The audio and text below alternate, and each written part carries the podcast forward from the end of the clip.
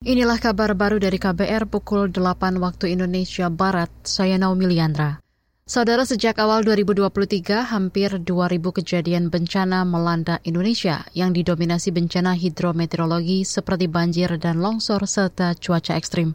Juru bicara Badan Nasional Penanggulangan Bencana BNPB, Abdul Muhari mengatakan, hujan lebat masih berpotensi terjadi di beberapa daerah meski Indonesia sudah masuk musim kemarau yang mendorong berbagai upaya antisipasi dan mitigasi bencana sejak dini. Sejak 1 Januari hingga 10 Juli itu sudah 1915 kali bencana, artinya sudah hampir 2000, ini sudah lebih dari setengah jumlah kejadian bencana pada tahun 2022 lalu. Kalau kita mau mengurangi dampaknya tentu saja provinsi-provinsi yang menjadi penyumbang kejadian bencana terbesar ini harus benar-benar bisa melakukan antisipasi dan mitigasi untuk mengurangi tingginya potensi kejadian bencana di daerah masing-masing.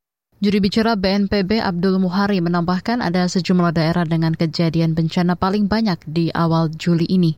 Di antaranya Aceh, Jawa Barat, Jawa Timur, Bali, Nusa Tenggara, Sulawesi, dan Kalimantan. Kita ke soal lain. Penerapan tarif baru layanan kris sebesar 0,3 persen untuk UMKM berpotensi merugikan pembeli atau konsumen. Hal ini diungkapkan pengurus harian Yayasan Lembaga Konsumen Indonesia YLKI, Agus Suyatno.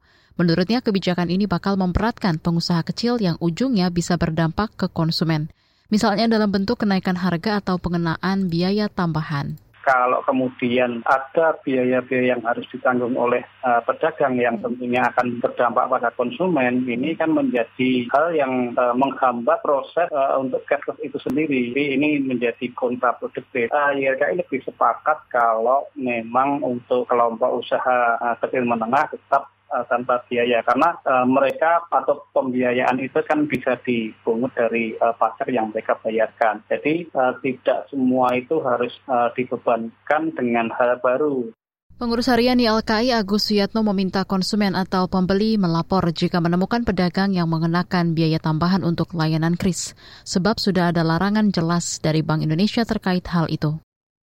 Beralih ke informasi olahraga, Tim bulu tangkis Indonesia bakal bermain lepas saat menghadapi Jepang di laga final kejuaraan beregu campuran badminton Asia Junior 2023. Dikutip dari antara Kapten tim Alwi Farhan mengakui Jepang merupakan tim kuat.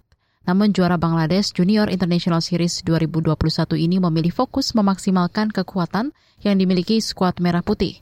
Sejak babak penyisihan, tim junior Indonesia menyuguhkan penampilan prima.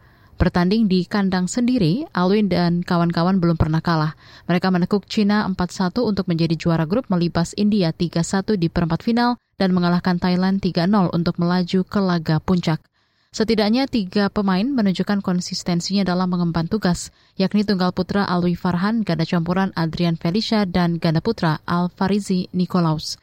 Manajer tim Edi Prayitno berharap Indonesia menjadi juara sekaligus sebagai ajang pembuktian latihan intensif selama tiga bulan di pelatnas. Demikian kabar baru saya Naomi Liandra.